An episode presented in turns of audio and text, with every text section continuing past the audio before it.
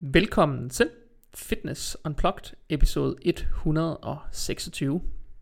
I øh, denne uges udgave af podcasten, der øh, har vi igen sådan en øh, hjemmeoptagelse. Det har vi jo fordi, at øh, jeg nu igen har fået en øh, gæst med på øh, mikrofonen. Indimellem er det sådan, at øh, jeg spørger jer lyttere, om øh, I har nogle ønsker til gæster, som I synes, jeg skal spørge, om de har lyst til at komme og lave en podcast. Og øh, det har jeg gjort rigtig, rigtig mange gange, og jeg har faktisk også været i stand til at tilfredsstille de fleste af de ønsker, som har været gennem tiden. Øh, nogle enkelte har vi måtte lade vente lidt på. En af dem, som vi har måttet lade vente lidt på, det er øh, Fie Sølverblad, hvor øh, hende har faktisk fået en del forspørgseler på, Øh, og øh, sidste gang jeg spurgte hende, der øh, ville hun skide gerne optage en podcast, men øh, vi kunne simpelthen ikke få øh, noget som helst, der lignede en kalender til at give mening. Så øh, jeg, til sidst så tror jeg faktisk lidt, jeg droppede det, og så tænkte det, det, det kommer nok ikke til at ske. Øh, men øh, så tænkte jeg, ej, nu spørger jeg lige Fie igen, fordi det kunne jo være, at hun havde fået noget tid, eller hun havde skiftet arbejde, eller hun havde ferie, og så skrev hun bare til mig, hej Jacob, jeg har ferie, du kan få det ligesom du vil have det, så optager vi bare. Så, øh, så i dag Øh, inden så længe, så smider jeg hende på mikrofonen. Uh, mit navn det er som altid Jakob Christensen, jeg er svært, og I kan finde mig ind på Instagram som by JS Christensen, og uh, I kan finde mig som startupmentor.dk, og I kan finde mig også på Facebook, hvis I synes det er spændende, men jeg tror det primært er Instagram, I kigger med på.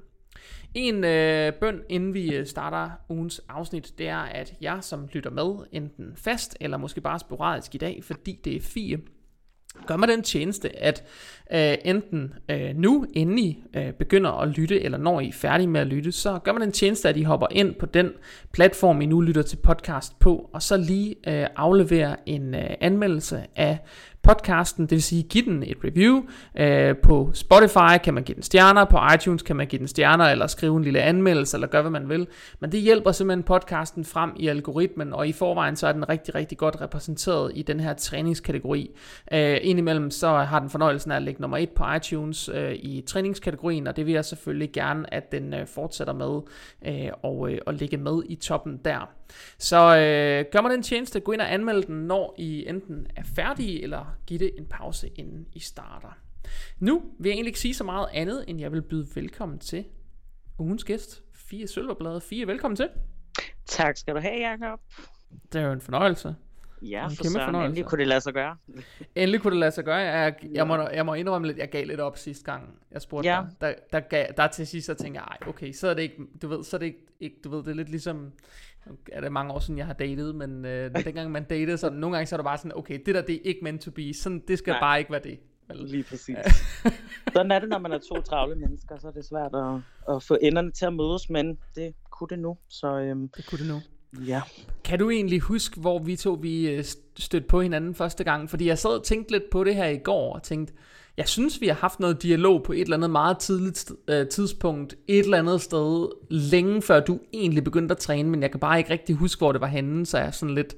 Og jeg gav til sidst lidt op på egentlig at finde ud af det, men øh, det kunne være, du egentlig kunne huske det.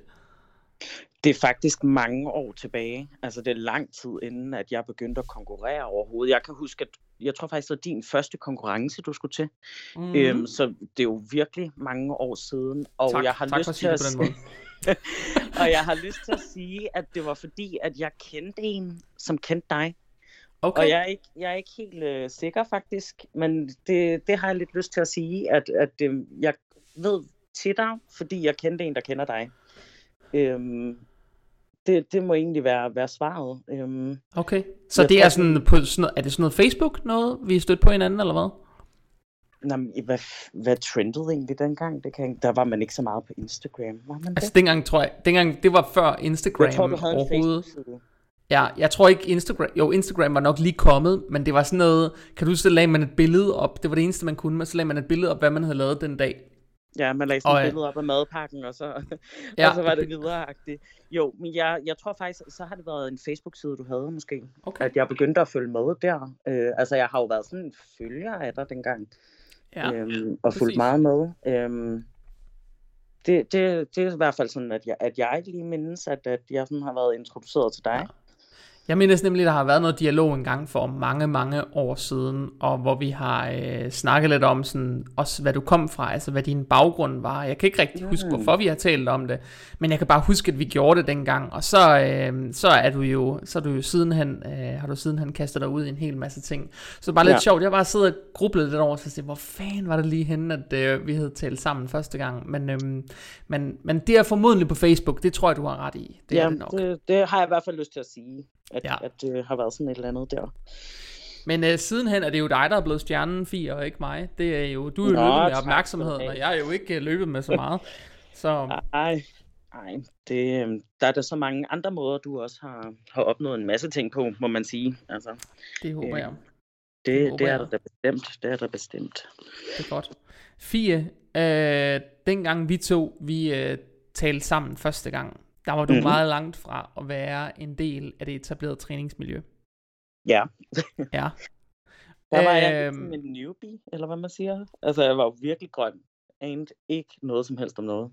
Nej, jeg tror, det er før du overhovedet har kastet dig ud i din første, dit første konkurrenceforberedende forløb, eller ja. måske nærmest en dag, inden du begyndte at træne i et fitnesscenter, har jeg det lyst til at sige, men jeg er faktisk i tvivl. Det, det tror jeg, du har meget ret i, faktisk.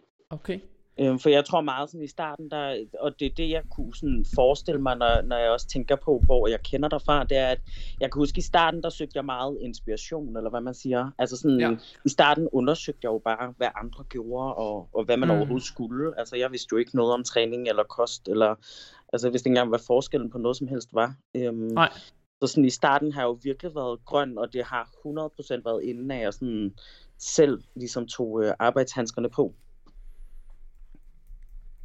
Kan du huske, øh, hvorfor du, øh, det kan du jo nok, søgt, begyndte at søge en masse information om det her? Fordi jeg tænker, at det måske er den rigtige indgangsvinkel til at komme til at åbne op om, hvorfor du er endt i det her træningsmiljø. Jamen altså, som sagt, så har jeg jo, hvad siger man, da jeg var yngre, altså der, der varede jeg da lidt til den gode side. Eller hvad man siger, ikke at jeg vil definere mig selv som overvægtig, men det er vel nok Nej. de ord, man, man sætter på det, hvis man siger noget. Øhm, jeg var meget robust, da jeg sådan var en 12-13 år gammel. Og det startede egentlig bare fordi, at, at man begyndte at komme i den alder, hvor at, at man også kiggede efter fyre og sådan nogle ting. Og, og jeg har altid været meget bevidst om sådan generelt, hvad jeg gerne ville, og også når det kommer til fyre, hvad jeg gerne vil have. Og så havde jeg lidt sådan en indgangsvinkel, at, at det er lidt svært at have høje krav til andre, hvis man ikke selv kan leve op til noget. Øhm, mm-hmm. Og så gik jeg faktisk i gang med at, øh, at tabe mig, og øh, det var meget sådan et eller andet, jeg fandt på Google. en eller anden kostplan, øhm, og jeg fik jo virkelig ikke noget at spise, og jeg lavede ustyrligt meget cardio. Øhm, det var faktisk det eneste, jeg lavede. Jeg styrketrænede slet ikke øh, i starten, Nej. i lang tid i starten. Øh, hvad, år, hvad årstal snakker vi om her, hvis du har været 12-13 år? Jamen, der har jeg været i 2014, har jeg lyst til at sige. Øh, jeg tror, det er sådan der, hvor jeg virkelig for alvor startede øh, at tænke over kost og træning og sådan nogle ting. Øh, begyndte så at, at lave en masse cardio og sådan nogle ting, og begyndte at tabe mig helt vildt, og det gik også rigtig hurtigt. Øhm, på 8 måneder, jeg tror jeg, jeg nåede at smide en, en 35 kilo, eller sådan et eller andet. Øhm, mm. Og så endte jeg faktisk ud i at øh, have en spiseforstyrrelse, anoreksi, øh, og var indlagt med det. Øh, det døde jeg med i halvandet år, to år. Øhm, og hvor var du, tror, øh, hvad hvor, siger du? Hvor, hvor var du øh, indlagt henne? Det var jeg ude på øh, Odense Universitetshospital. Der har de ja. faktisk en, øh, en afdeling specifikt til spiseforstyrret. Øh, ja. Og det er både øh, overspisning og øh, som mig øh, underspisning, eller hvad man siger, anoreksi mm. og bulimi og sådan nogle ting. Mm-hmm. Øhm, så der var jeg sådan indlagt på et ophold, og der er faktisk rigtig lang venteliste på at, at få sådan et ophold. Øhm, ja. Men jeg fik det for at, at ligesom stoppe det i tide, eller tage hånd om det, mens man, ja. man stadigvæk kunne lave en ændring.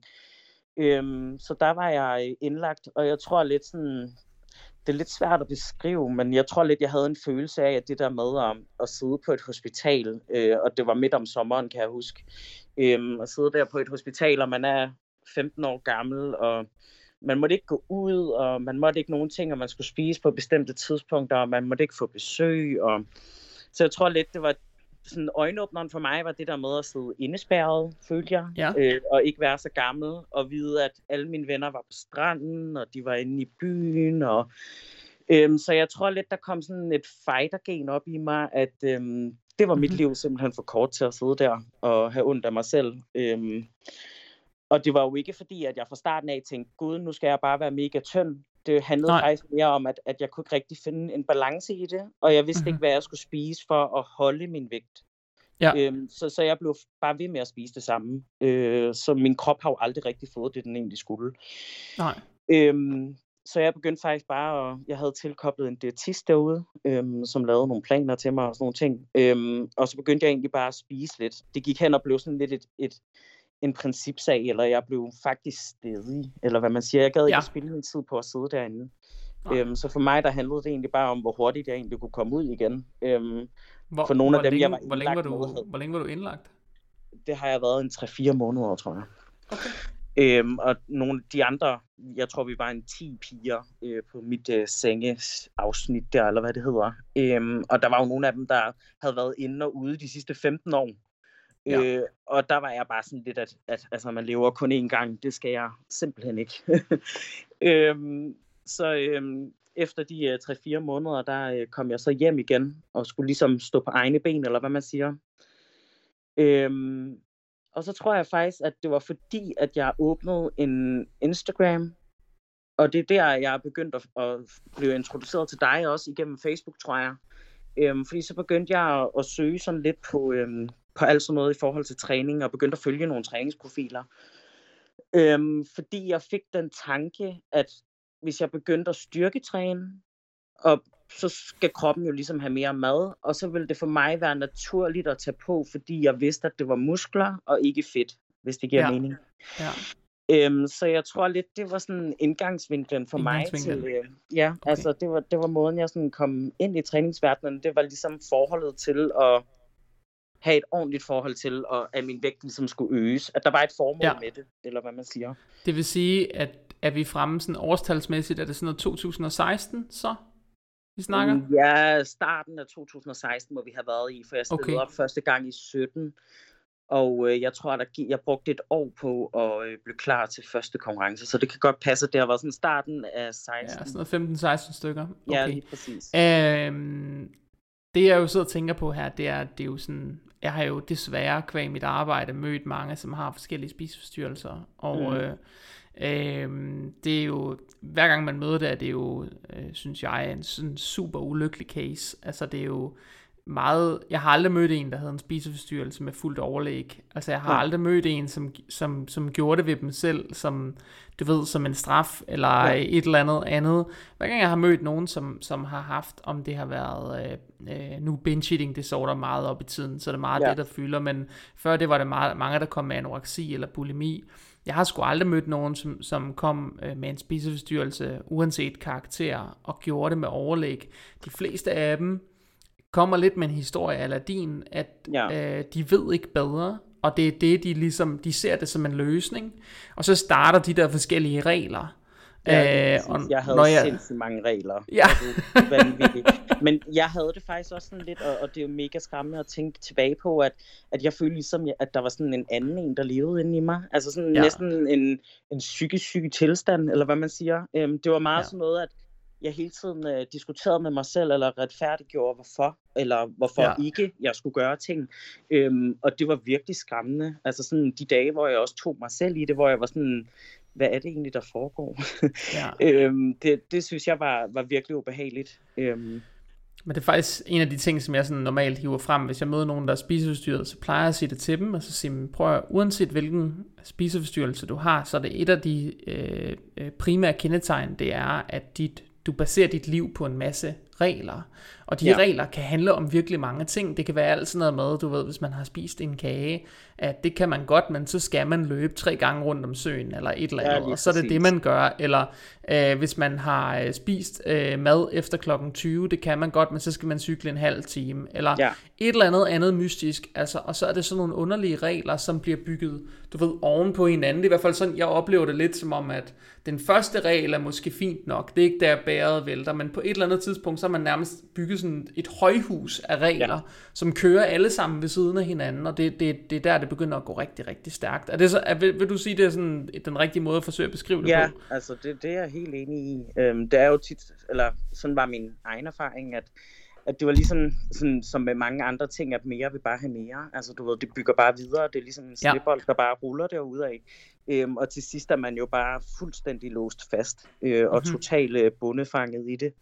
Øhm, så ja, det er fuldstændig samme indtryk, jeg også har af det. Okay. Er der, øh, kan du huske sådan de første regler, du begyndte at lave for dig selv egentlig? Mm, det var, at jeg ikke måtte få nogen kulhydrater. Okay, så den første regel var ingen kulhydrater? ja. Hvad, hvilken øhm, regel tror du så i kraft, hvis du fik det? Jamen, så har jeg straffet mig selv med mere cardio. Okay. Øhm, men jeg undgik det for alt i verden. Øhm, altså, ja. det var meget øh, basalt, det jeg spiste, at jeg spiste kun kød og grønt. Øhm, og, og jeg ved slet ikke, øhm, hvorfor at jeg... Altså, det er jo sådan noget, man kan være bagklog omkring nu.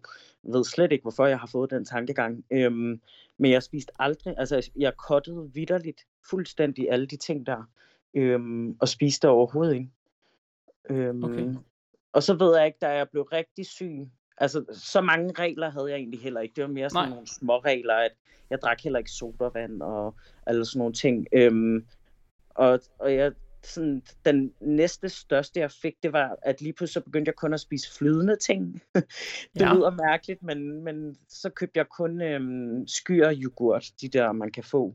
Øhm, og, og så kørte det egentlig bare derfra. Det var det eneste, jeg spiste i løbet af en dag. Det kunne være sådan en liter skyr yoghurt.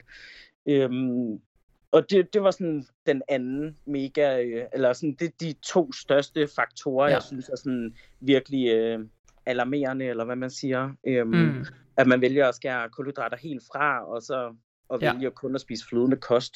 Øhm, det, det synes jeg var lidt tosset.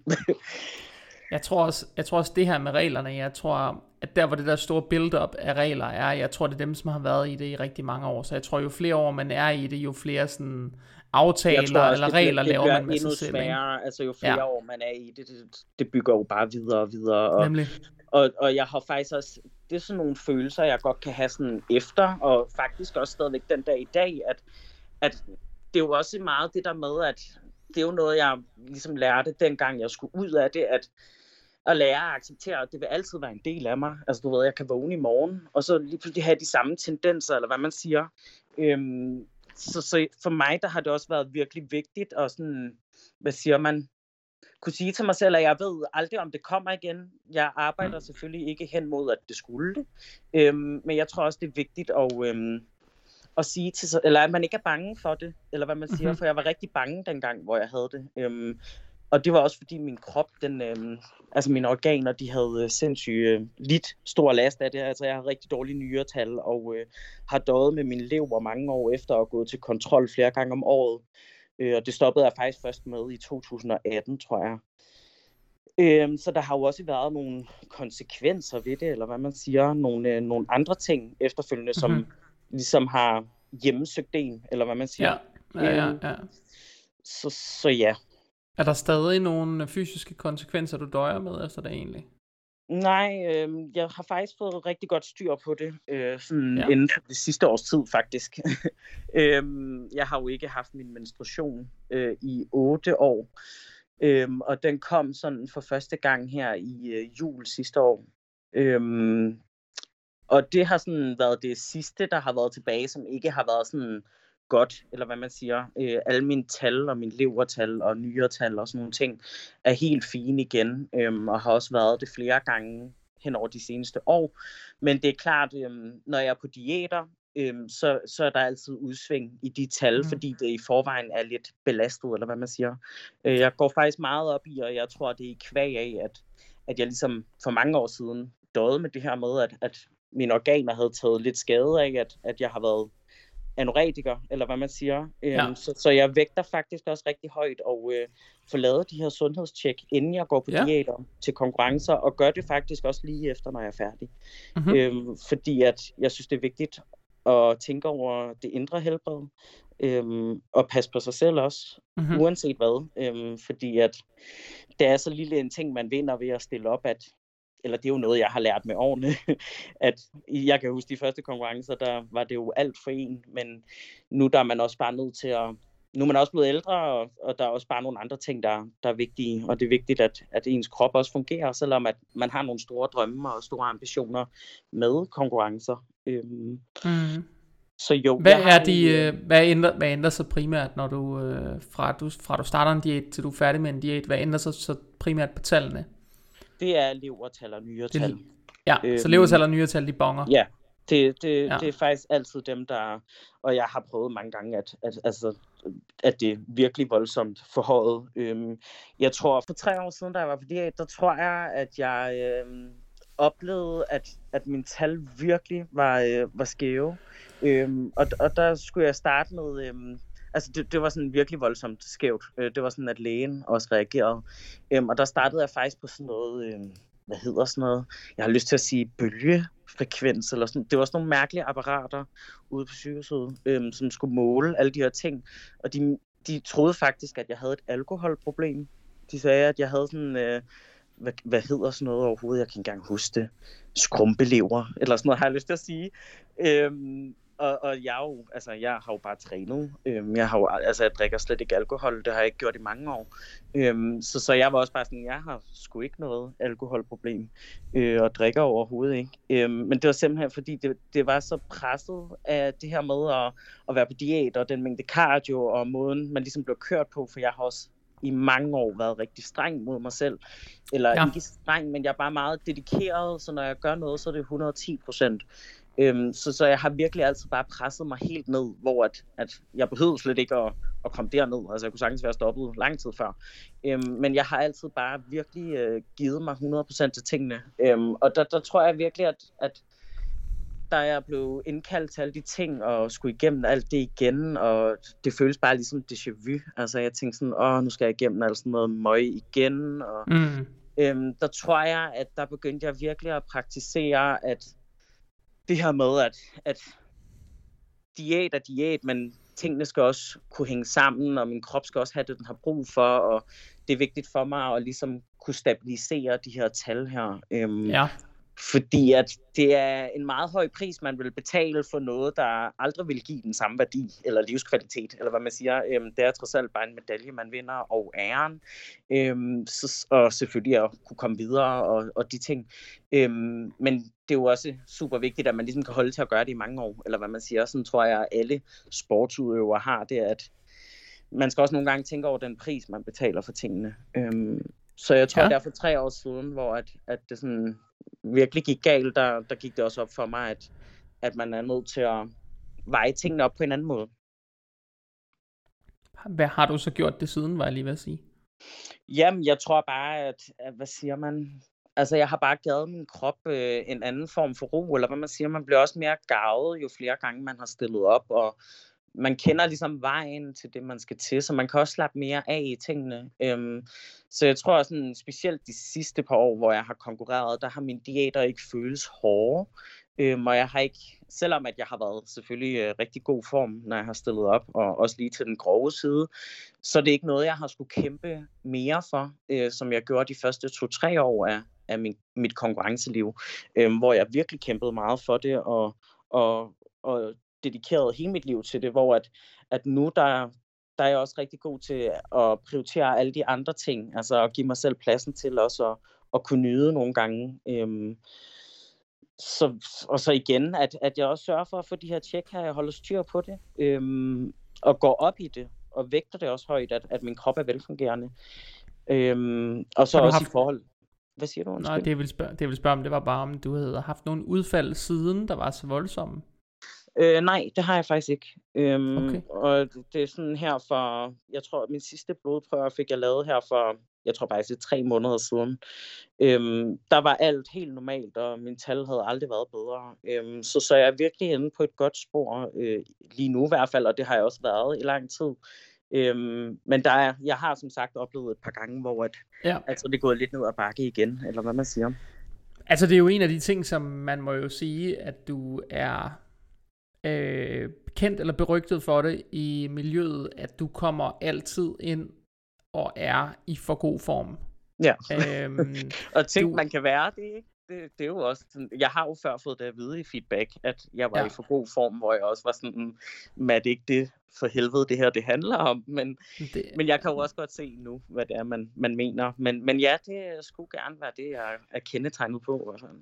Faktisk er der sådan en lidt sådan sjov betragtning, som jeg synes mange atleter i Danmark desværre misser, og jeg tror, det er en af årsagerne til, at der øh, er rigtig mange af dem, som er gode, der ikke når til toppen. Og det er, at ikke alle ser bedst ud i deres bedst mulige condition. Nej. Øhm, det er ikke nødvendigvis det bedste look for alle atleter at være så hårde som muligt. For eksempel, der er mange atleter, der for eksempel mister rigtig meget fylde i muskulaturen, når de kommer ned under et vist niveau i fedtprocent. Og det kan måske betyde noget for, hvordan deres fysik ser ud øh, sådan, øh, til en konkurrence. Altså det kan betyde noget for, hvor fyldig man er, eller hvor tredimensionel man ser ud, eller det kan betyde noget for ens symmetri. Øh, for mange atleter er det måske nogle bestemte muskelgrupper, der flader voldsomt ud i forhold til ja. nogle andre. Det kan betyde noget for deres symmetri. Så, så man er ikke nødvendigvis bedst der, hvor man har mindst muligt fedt på kroppen.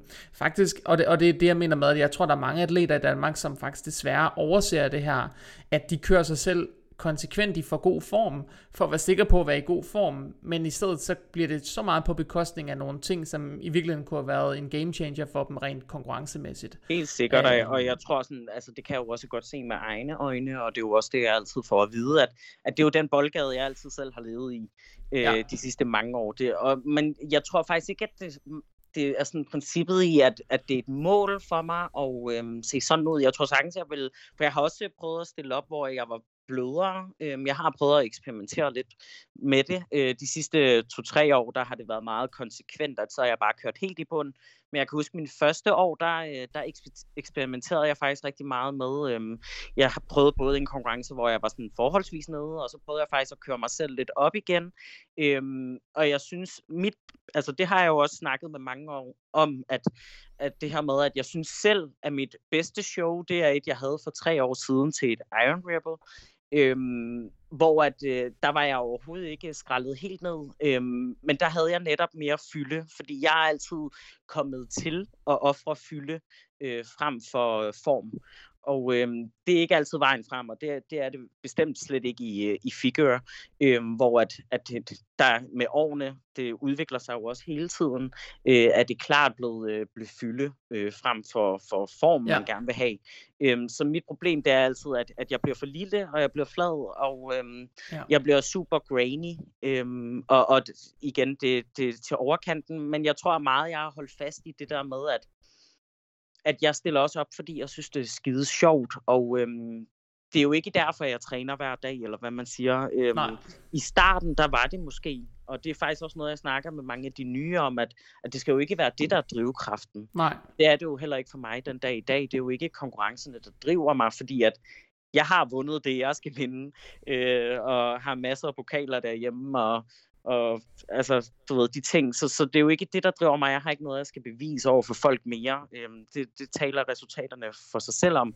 Øhm, men, men jeg tror meget, at når jeg har konkurreret, så er det fordi, jeg selv synes, det er fedt. Jeg synes selv, ja. det er fedt at, at, at kunne vise, at en kvindekrop også kan se sådan ud, og en kvindekrop også godt kan være feminin på den måde. Øhm, så jeg tror også, de sidste par år, der har jeg egentlig også indfundet mig med, at at hvis jeg bliver dømt ned på at se sådan ud, så fred være med det, men jeg kommer med det, jeg har lyst til at komme med. Øhm, og, og det, sådan tror jeg lidt, jeg har haft det de sidste to øh, konkurrenceår, jeg har haft. Øh, ja. En år, der var jeg som sagt heldig øh, og, og løb med det hele. Der ville de gerne have det. Øhm, og i Finland, der min sidste konkurrence, som sagt, øhm, der var de bare meget større end mig. Og det er jo også fordi corona spiste øh, mit sidste juniorår. Øh, så nu konkurrerer jeg kun som senior og øh, der skal man altså bare være meget større. Øhm, så ja. det, er jo en ting, det er jo en ting, som jeg har tænkt på, hver gang du stiller op, det er, jeg forstår ikke, hvorfor du kommer så flad ind. Du er jo i så god form, at du kunne ja. jo karpe op i en uge og stadig ikke komme ud af form, hvis det var det, du Jamen, ville. og det er jo også det, jeg har gjort. Altså, jeg starter jo allerede min øh, frontloading sådan tre uger før en konkurrence, fordi at, okay. at min krop, den, det lyder også underligt at sige, at, at den sådan skærer ud, og man ikke kan styre den, men, men det føles lidt sådan, fordi jeg er meget sådan en type, jo mere jeg spiser, jo vildere form bliver jeg bare. Øhm, og, og det er lidt som om, at det er svært at bremse sådan til sidst, Så det er en rigtig ja. hårfin balance for mig, øhm, og det er også noget, jeg har, har skulle ligesom øh, lege lidt med de sidste par år, at, at hvordan og hvorledes jeg skal knække koden til, hvordan min krop den skal køres. Øhm, og, og jeg synes, det er, når man snakker med andre nu, snakker er jeg jo også sådan i blandt øh, toppen inden for konkurrencemiljøet, at, at det er egentlig generelt noget, mange døjer med øh, den sidste tid, og det der med at, at ligesom kunne time tingene. Øhm, ja. det, det har altid været sådan lidt min øh, ulempe, at at til sidst så, så begynder det sådan lidt at stikke af, og så er det lidt svært at stoppe det igen. Og øh, det var i hvert fald også den erfaring, jeg havde øh, til min sidste konkurrence. Der gik det virkelig mm-hmm. galt. Øhm, Må jeg spørge dig ja. noget? Ja. Du siger, du frontloader, og du siger, du starter tre uger før. Mm. Ved du, hvor mange gram carbs du skruer op til? Og i hvor lang tid? Mm, nej, men jeg har aldrig nogensinde haft en konkurrencediæt, hvor jeg har fået under 2.000 kalorier. Øhm, og det lyder også sådan som et luksusproblem, men jeg laver jo heller ikke cardio på mine diæter. Jeg tror, jeg har haft et år, hvor jeg lavede cardio, og så var jeg nødt til at stoppe med det igen øhm, fordi at det gik for hurtigt. Så jeg har ja. faktisk aldrig haft en konkurrencediæt, hvor jeg har lavet et eneste mm. minut mm. øh, cardio. Men du ved ikke, hvor mange gram kulhydrat du, du, du får, når du begynder at få Nej, men jeg ligger, jeg ligger højt. Øh, jeg, jeg har faktisk ikke øh, noget... Jeg er meget sådan en type, selvom at jeg som sagt også selv har arbejdet med kost og træning og sådan nogle ting. Øhm, så har jeg egentlig bare altid fået en plan, og så fulgt den, og aldrig rigtig tænkt mm. over, hvad... Men jeg har ligget forholdsvis øh, højt. Øhm, som sagt, så har jeg jo også træner på. Øhm, så, så jeg mm. har egentlig altid været sådan en, der bare lidt har lænet mig op af det. Øhm, og så bare gjort ja. det, jeg besked på, uden at... Og det vil, jeg jo, det vil jeg jo have, hvis mine klienter de gjorde. Heldigvis mm. har jeg ikke så mange atleter mere, fordi jeg, jeg synes, det er, det er jo et bevidst fravalg fra min side, var jeg lige ved at sige, at det fylder for meget, når man har dem. Så jeg vil helst have nogen, jeg vil helst have nogen, jeg bare har en god relation til, og nogen, ja. der har den rigtige dynamik med, så ellers så skal det ikke være. Men, men noget af det, som jeg ville jo synes, det var enormt mærkeligt, hvis jeg havde atleter, som bare fulgte planen uden at stille spørgsmål. Jeg kan jo godt lide, at de stiller spørgsmål, ja. eller sådan øh, er, du ved, øh, øh, blander sig, eller sådan interagerer, og sådan stiller, øh, stiller sig kritisk op, fordi det giver typisk det bedste resultat, at man har en eller anden form for ongoing dialog frem og tilbage ja. om, hvordan virker det her, hvordan føles det der, og så videre, ikke? Og så man, ja. øh, altså, så man har lidt mere involvering. Nu må det heller ikke misforstås. Jeg, jeg tror meget, at nu er det også princippet i, at, at nu har jeg jo arbejdet med, øh, med Lars i seks år. Så sådan min ja. første år, der var jeg jo også meget kritisk, og var meget sådan, hvorfor gør vi det her, og hvorfor skal jeg det? Ja. For ja. os at ligesom selv kunne, kunne drage nogle præferencer og blive stærk mm. kompetencemæssigt mm. på feltet. Øhm, fordi at jeg som sagt også altid gerne har ville kunne gøre det selv. Øhm, så det der med også at stille sig nysgerrig, det kan jeg sagtens relatere til. Mm. Jeg tror mm. bare de sidste par år, netop fordi at, at jeg har arbejdet med manden i, i seks år, øhm, så, så, så er jeg bare meget selvkørende. Øhm, og selvfølgelig, hvis der er et eller andet, jeg vil skifte ud, så er jeg så øh, indgroet i, i tingene, at, at jeg godt ved, hvad tingene svarer til, og så gør jeg det egentlig bare lidt selv. Øhm, så, så jeg tror sådan, lige i mit, mit tilfælde, der er det også meget det med, at at jeg er så indkørt, og det er så rutineret, og det, det er noget, jeg har gjort i så mange år, at, at hvad siger man, det kører sgu egentlig bare sådan lidt af sig selv, ja, eller hvad man siger. af sig selv. Ja. ja. Ja, okay. Men det er jo, jeg synes jo, det er synd det her med, at du kommer ind i for god form hver gang. Altså, ja. det virker underligt at sige det, men jeg tror egentlig, at du, øh, når man kigger på det sådan rent potentialemæssigt, så er du måske en af dem, som, sådan, når man ser på det udefra, ser ud som om du er villig til at gøre mest for at nå i mål. Ja. Øh, eller sådan, du kommer i hvert fald længst rent formmæssigt, så jeg synes jo, det er synd, at du ikke får de, får de sidste ting med på størrelsen, fordi det er mm. jo faktisk det, der som, det er jo, det er jo det, ligesom det, vil skubbe dig, skubbe dig et level videre, hvis du ligesom ja. gerne vil det, ikke? Men jeg tror også øhm. det sidste års tid, sådan, øhm, nu har jeg jo lige været væk fra Lars i noget tid, mm-hmm. øh, efter min sidste konkurrence, og prøvet, prøvet kræfter med nogle nye ting, også for at få nogle andre øjne og tilgang til tingene. Øhm, og der tror jeg virkelig også, at jeg har givet mig selv tiden til det her med at reflektere over, øhm, hvad der er foregået de sidste par år. Øhm, mm-hmm. og, og jeg tror jo desværre, det er en af de... Øhm, hvad siger man, spøgelser, der hjemmesøger en, at, at jeg kommer fra at være spiseforstyrret ind i en verden, som også er præget meget af spiseforstyrrelser. Øhm, så, så jeg tror lidt, jeg måske har været, øhm, i mange år har været fanget af det her med, at, at jeg har altid haft rigtig svært ved det der med at skulle tage på. Øhm, og, og det er jo også, hvis man har fulgt med i flere år, og man også ja. kender mig, så ved man også, at jeg er jo sådan en, der altid har været i form hele året rundt. Altså jeg har yes. aldrig, de sidste seks år, der har jeg haft kronisk øh, sixpack og blod over i armene og sådan nogle ting, og, og det har jeg jo ikke mere. Øhm, men, men jeg tror, at de sidste mange år, der har jeg bare siddet meget fast i den boble, Øhm, og det er jo ikke fordi, at, at Lars ikke har prøvet at skubbe mig, eller han ikke har sagt, Nej. nu skal du skulle lige tage dig sammen. Eller, Nej. fordi det har han faktisk gjort øh, rigtig, rigtig mange gange. Jeg tror mere, jeg har været den der med, at jeg spiser lige lidt mindre, det ligger han ikke mærke til. Men det, det, og så er man jo ikke klogere, eller hvad man siger, det bider jo bare mig selv i røven.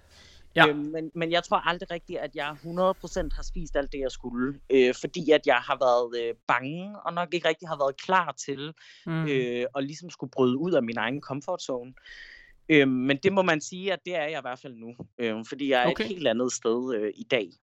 Hvad, har, hvad er det, der har ændret sig primært omkring det der? Fordi det lyder jo for mig som om, at og det er jo en del, øh, når, hver gang jeg møder nogen, som har spiseforstyrrelser, så bliver det hurtigt meget klart, at de der spiseforstyrrelser, selvom man synes, man, man river sig fri af dem, mm. og, øh, og man, man bliver raskmeldt, om man så må sige, ved lægen, eller ved psykiatrien, eller hvor man nu er gået, så er det jo stadig, så det er stadig noget, der ligger latent i folks underbevidsthed, at de har ja. levet på en bestemt måde, og de har jo stadig nogle ting, det kan man jo se, det popper op til overfladen, hvis de bliver presset, eller hvis de bliver ja. udfordret i et bestemt henseende, at så begynder de pludselig at tænke, som de gjorde engang, fordi det gør dem måske, det giver dem måske ro, eller det gør ja. dem måske sikre, eller et eller andet andet, ikke? Og så, så, så ser man sådan nogle lidt uhensigtsmæssige mønstre, og det, det tror jeg ikke, man kan blive fri af, men man kan nok Nej. lære at leve med det på en eller anden men måde. Men det, det var også. ligesom det, jeg også nævnte, det der med, at, at man også er nødt til at acceptere, at det altid vil være en del af en på en eller ja. anden fasong. Ja. Øhm, jeg kan jo heller ikke rigtig gå ud og spise, uden at jeg, jeg tænker over, hvad alting er, og hvad det er lavet Nej. med. Altså, du ved, det er jo bare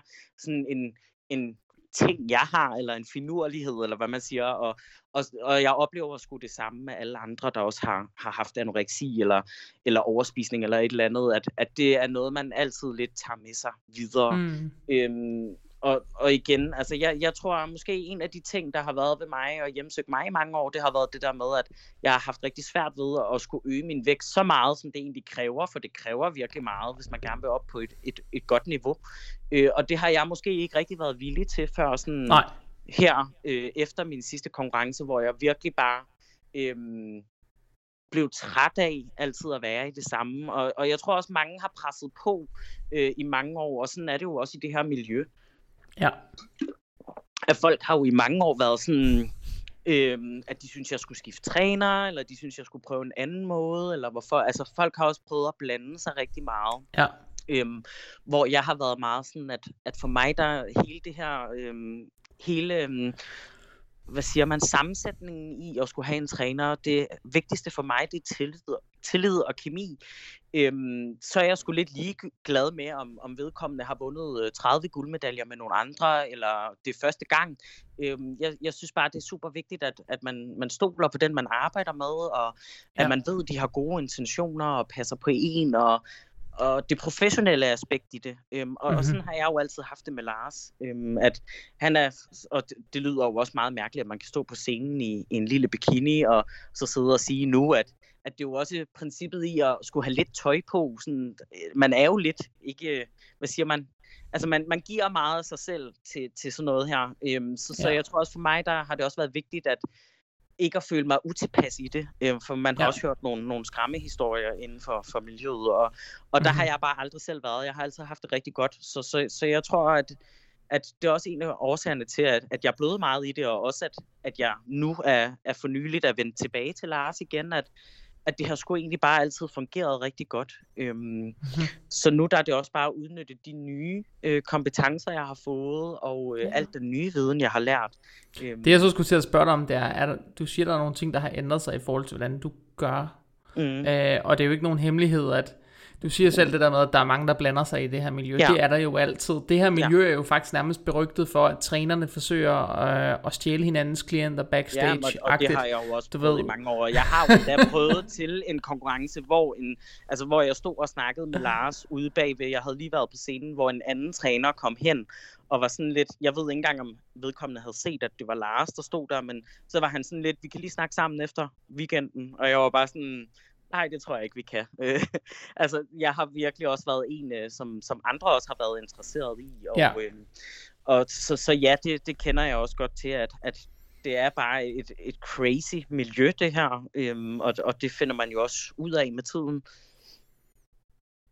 Men det er fuldstændig rigtigt. Jeg kan huske, øh, jeg ved sådan en som, øh, det er jo nok, når man sådan name dropper på den her måde, så er det nok ikke alle, der kan følge med, men sådan et navn som George Farah i USA, mm. øh, han er jo virkelig berygtet for at forsøge at stjæle alles klienter backstage. Altså virkelig yes, bare rundt og poach og sige, I can make you number one.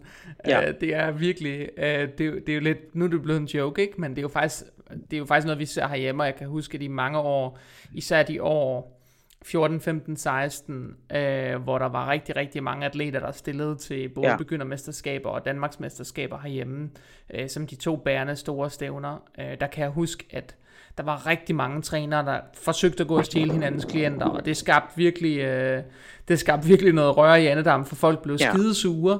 Men omvendt kan man sige, at øh, i bund og grund så handler det jo også om, at der er nogle trænere, som gerne har ville have de bedste øh, ja. klienter, fordi det er klart, det er dem, der giver de bedste resultater, og dem, der giver de bedste resultater, de, det er den bedste markedsføring, og du ved, mm-hmm. så kører det rundt på den der måde, ikke? og hvis man lige møder en eller kender en, og man tænker, åh, jeg tror, jeg kan redde hende, eller jeg tror, jeg kan redde ja. ham, så skal du bare se, jeg kan virkelig gøre en forskel for dig.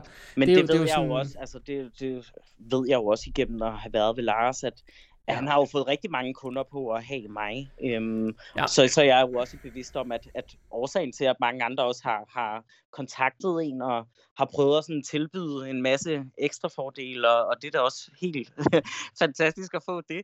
Øhm, men det er jo også fordi, at de godt ved, at, at der er jo sindssygt ja. mange penge at hente i, og, og have nogen, der også er aggressiv på nettet, og hver evig eneste dag bliver folk jo præsenteret for, at, at jeg for eksempel er atlet hos Lars, eller, eller sådan et eller andet. Så det er jo mange gange i løbet af en dag, at det bliver pushet ud, øh, ja. og, og kan påvirke andre mennesker. Øhm, og igen, det er jo en forretning, det hele det er forretning. Øhm, så jeg er også bevidst om, at, at det er jo fordi folk gerne selv vil, vil have nogle kunder ind. At, at ja. man ligesom vælger at søge dem, som, som er gode, og, og får nogle gode resultater, og også er aggressive øh, på eventuelle sociale medier. Og det er jo, men det er jo desværre noget af det sådan lidt... Altså jeg kan jo ikke lide den her del, hvor folk de forsøger sådan at poache hinandens klienter, Nej. altså man har hugget dem. Altså, men det er jo den sådan narcissistiske del af det der med coaching-miljøet omkring fitness og bodybuilding, og måske også en af årsagerne til, at jeg ikke sådan du ved, jeg gider det ikke sådan ægte. Jo, jeg gider det godt, hvis det virkelig er nogen, du ved, der er mm. gode, som yeah. virkelig, du ved, som bare virkelig gerne vil arbejde med mig. Altså, hvor det er virkelig vigtigt for dem, at det er mig. Så gider jeg godt. Ja. Øh, men der skal være den rigtige dynamik og den rigtige dialog. Jeg, altså, jeg, jeg gider ikke at skulle, du Men ved... jeg tror også, altså sådan, nu har jeg jo, øhm, nu har jeg jo for nyligt også været, været lidt med ind over i forhold til Anna, fordi jeg har boet sammen med hende. Mm-hmm. Øhm, og, og det er jo også meget det der, og det ser du jo også rigtig mange gøre, at, ja. at, at rigtig mange coaches, de søger også væk fra det miljø nu. Og, ja. og det vil jeg jo også selv øh, personligt mene, er det helt rigtige at gøre. Øhm, fordi at de timer, man ligger i at arbejde med en atlet... Det er helt tåbeligt. Øhm, det, det, det vejer aldrig nogensinde op med de penge, man får for det. Nej, og, nej. og, og der, man kan slet ikke finde en årsag. Altså man skal gøre det, fordi man brænder for det, og fordi man synes, det er sjovt. Men det er sgu ikke der, hvor at, at du bliver millionær. Det er altså nej. ikke at have atleter. Øhm, for det er jo en, en døgnbedrift, hvor at, at fru Jensen nede i, i Fitness World, hun, hun klarer måske sig selv lidt mere selvstændigt, eller, eller har nogle, det er nogle andre øh, forventninger, hun har end, end en atlet. En atlet vil jo helst gerne øh, tørre sin numsen, skulle jeg lige til at sige. Øhm, de, de er jo meget typen, der tager hele armen, når man giver fingeren.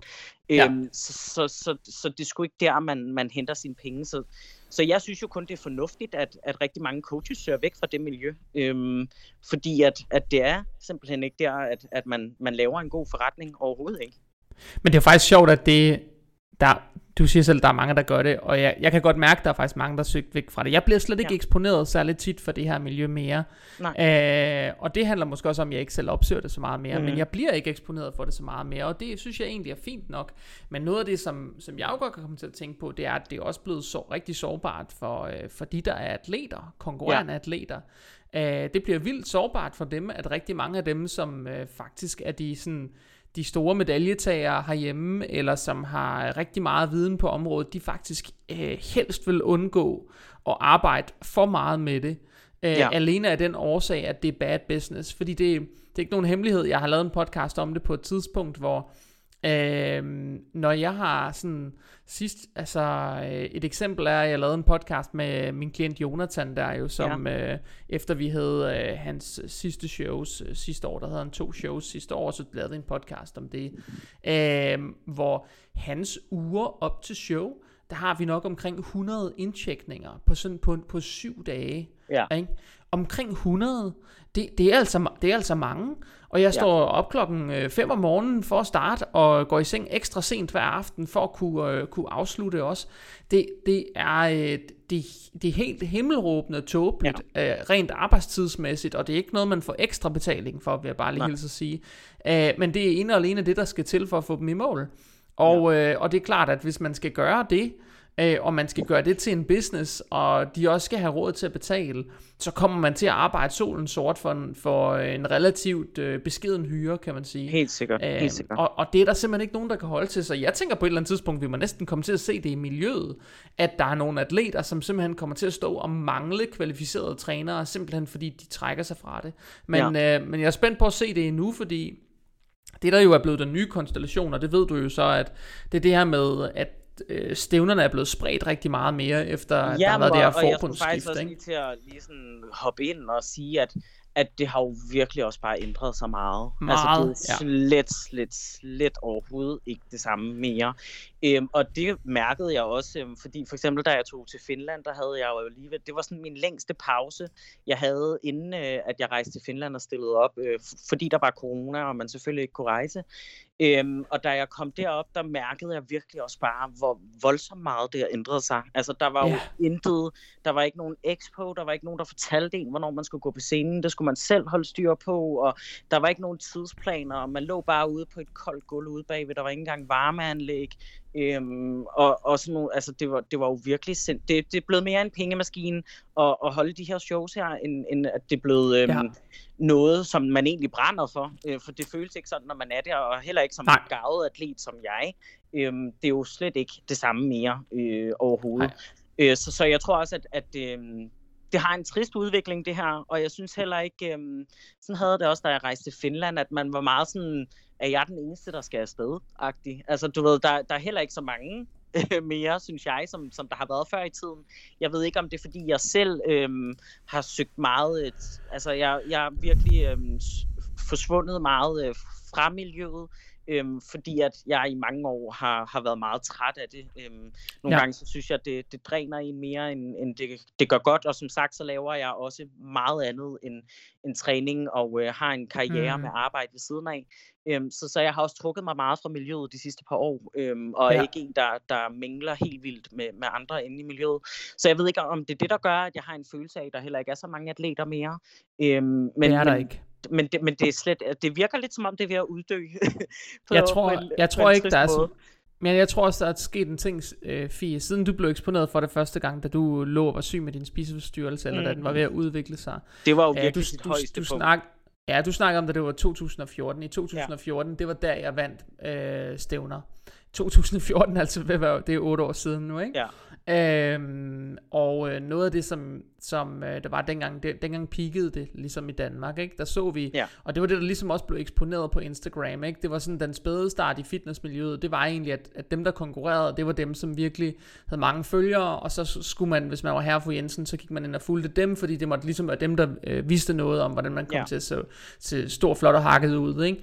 Øhm, og det er det jo muligvis også, men det er jo muligvis også den forkerte måde at søge viden på, fordi det er jo også nogle mennesker, som er villige til at leve et ret ekstremt liv. Ja. Øhm, sådan helt, altså uden måske endda nærmest at overveje konsekvenserne ved at gøre det, ikke? Og det, det passer jo enormt dårligt på, på hovedparten af dem, som følger med i det. Ja. Og, og, og sidenhen er min oplevelse, at da vi nåede 2017-18 stykker, at så bevægede der sig mere og mere over mod, at så kom alle de her sådan, livsstilstrænere, og så begyndte det at være mere moderne, om man så må sige, at have fylde og former, og vi så alle ja. de her kvinder, som pludselig blev eksponeret for øh, faktisk at have ekstra store lår, ekstra store baller, øh, have lidt bløde maver, men øh, være virkelig stærke, eller hvad det nu var. Så lige pludselig, ja. der har også været et skift i noget af det her, hvor det startede med at handle om noget meget visuelt, og i dag synes jeg, at det miljøet på nettet i hvert fald handler meget om, hvem er stærke, hvem performer, eller hvem mm. ved rigtig meget om noget, ja. ikke? Så det er det folk, de søger. Uh, og det er jo meget sådan anti-Instagram, fordi Instagram handler jo egentlig i bund og, grund, bund og grund om, hvad der er pænt på et billede.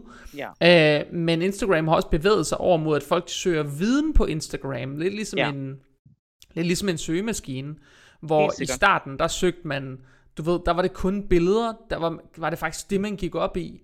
Øh, og i dag er det måske mere viden, og det, er jo, det ser vi jo bare, vi prøver at se, hvor øh, populært det er blevet at lave tekstopslag på Præcis. Instagram. Altså nu har jeg jo også, opslag, øh, det nævnte jeg jo også lidt, lidt øh, for, for lidt siden, det der med, at, at nu har jeg jo også siddet med, øh, med Anna i kvæg af, at vi har boet sammen, og, og ja. det er jo også noget, vi for eksempel har udviklet i forhold til, øh, nu hendes Instagram jo meget koblet op på øh, virksomhedsbaseret, hvor min egen, yes. den er meget personlig for eksempel, øhm, hvor at der har vi jo også kunne mærke, eller har prøvet at arbejde os over i, og, og køre et meget stringent, øh, og øh, meget, øh, hvad siger man, det er meget øh, stabilt øh, timeline, der er i, i tingene, at, at ja. der også er rigtig meget tekst nu, og meget information.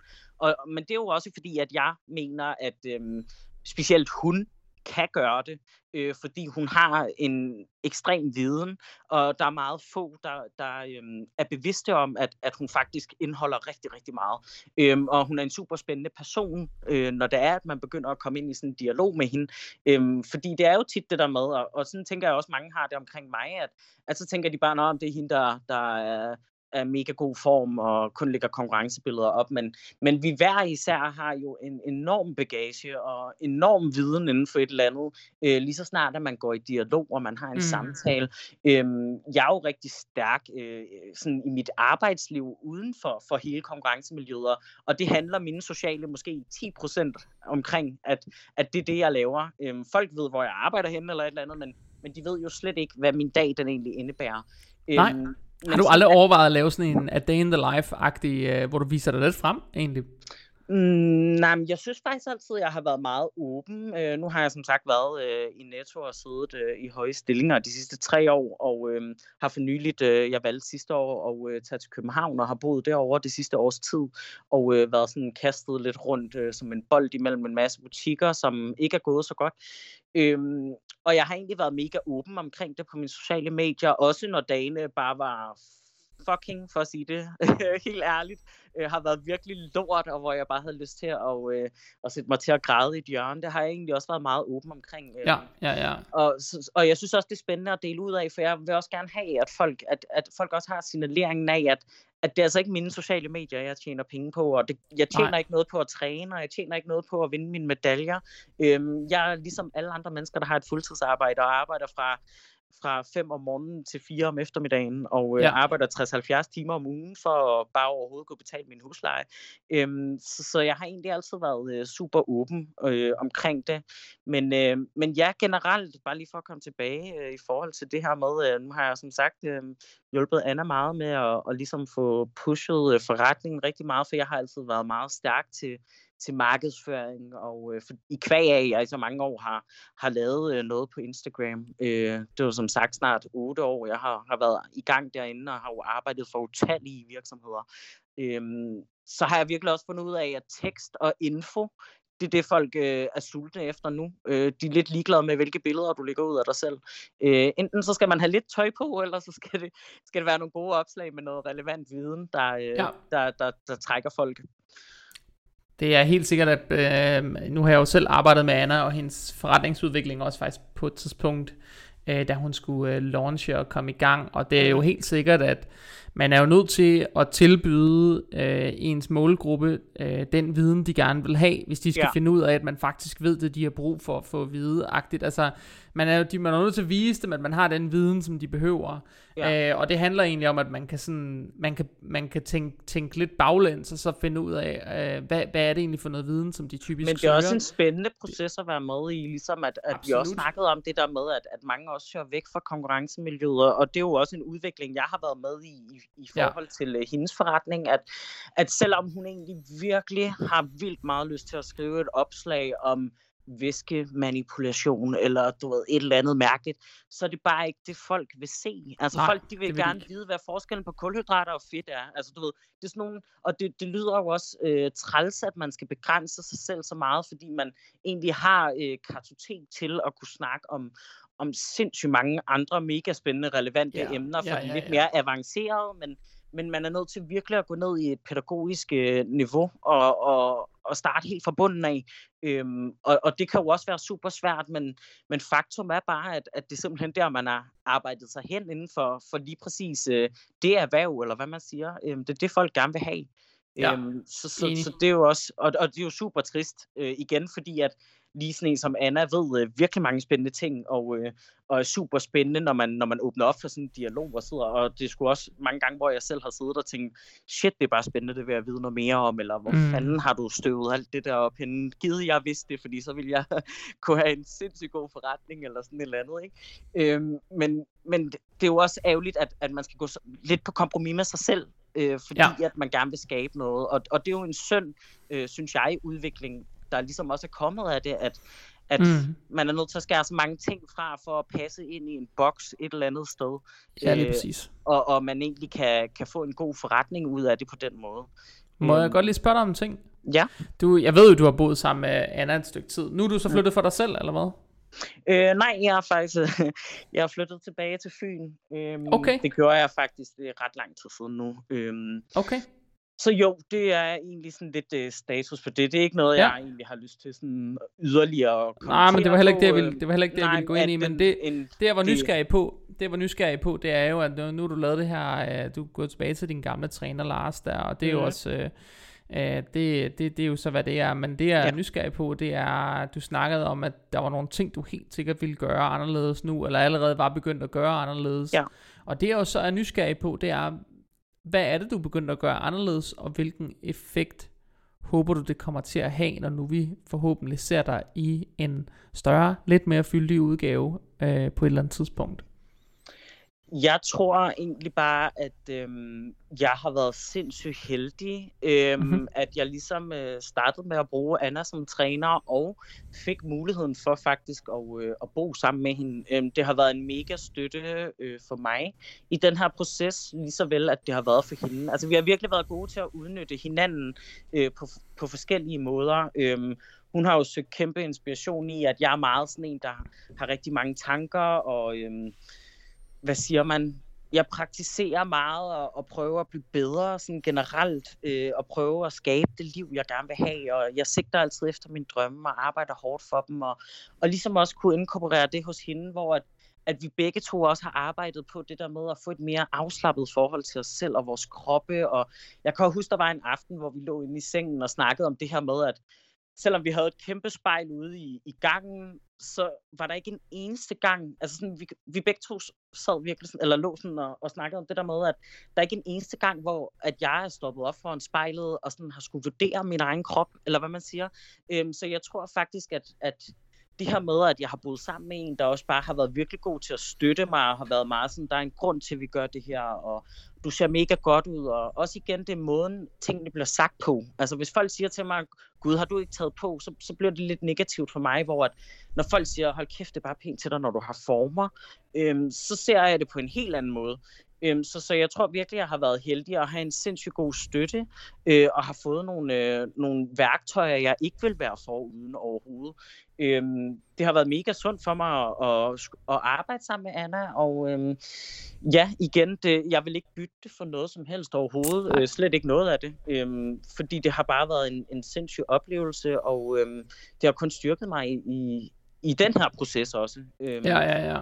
Hvad så, kommer så det til sådan tror... at betyde? Hvad, har det haft nogen sådan indvirkning på praktiske ting, du gør øh, i måden, du spiser på, eller Jamen, mængden, jeg tror du bare spiser? Jeg, jeg eller? er bange for, for det der med at, at tage på. Øhm, jeg tror, jeg har fået... Øhm, hvad siger man? Altså nu har jeg altid haft en god appetit, og jeg har altid, øh, altså jeg har altid spist rigtig meget mad, men, men jeg har jo altid haft et, et rigtig fysisk arbejde, altså et meget hårdt øh, fysisk arbejde, så, så det er jo ligesom der, jeg sådan også har fået min, min cardio igennem, og for mig der er det meget normalt at gå øh, 30-40.000 skridt om dagen bare på arbejde, og så styrketræne bagefter, øhm, så, så jeg er jo også rigtig, rigtig aktiv igennem dagen. Øhm, så, så det er ikke fordi, jeg øh, ikke har kunne spise meget igennem mange år, men, men har konsekvent altid spist for lidt.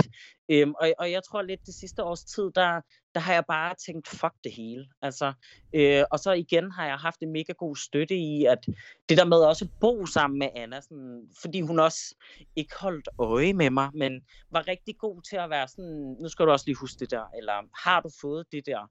Øh, hvor at, at, igen, jeg går meget op i loyalitet og ærlighed, så jeg har også været meget mm. sådan, nej, det har jeg sgu ikke, du ved.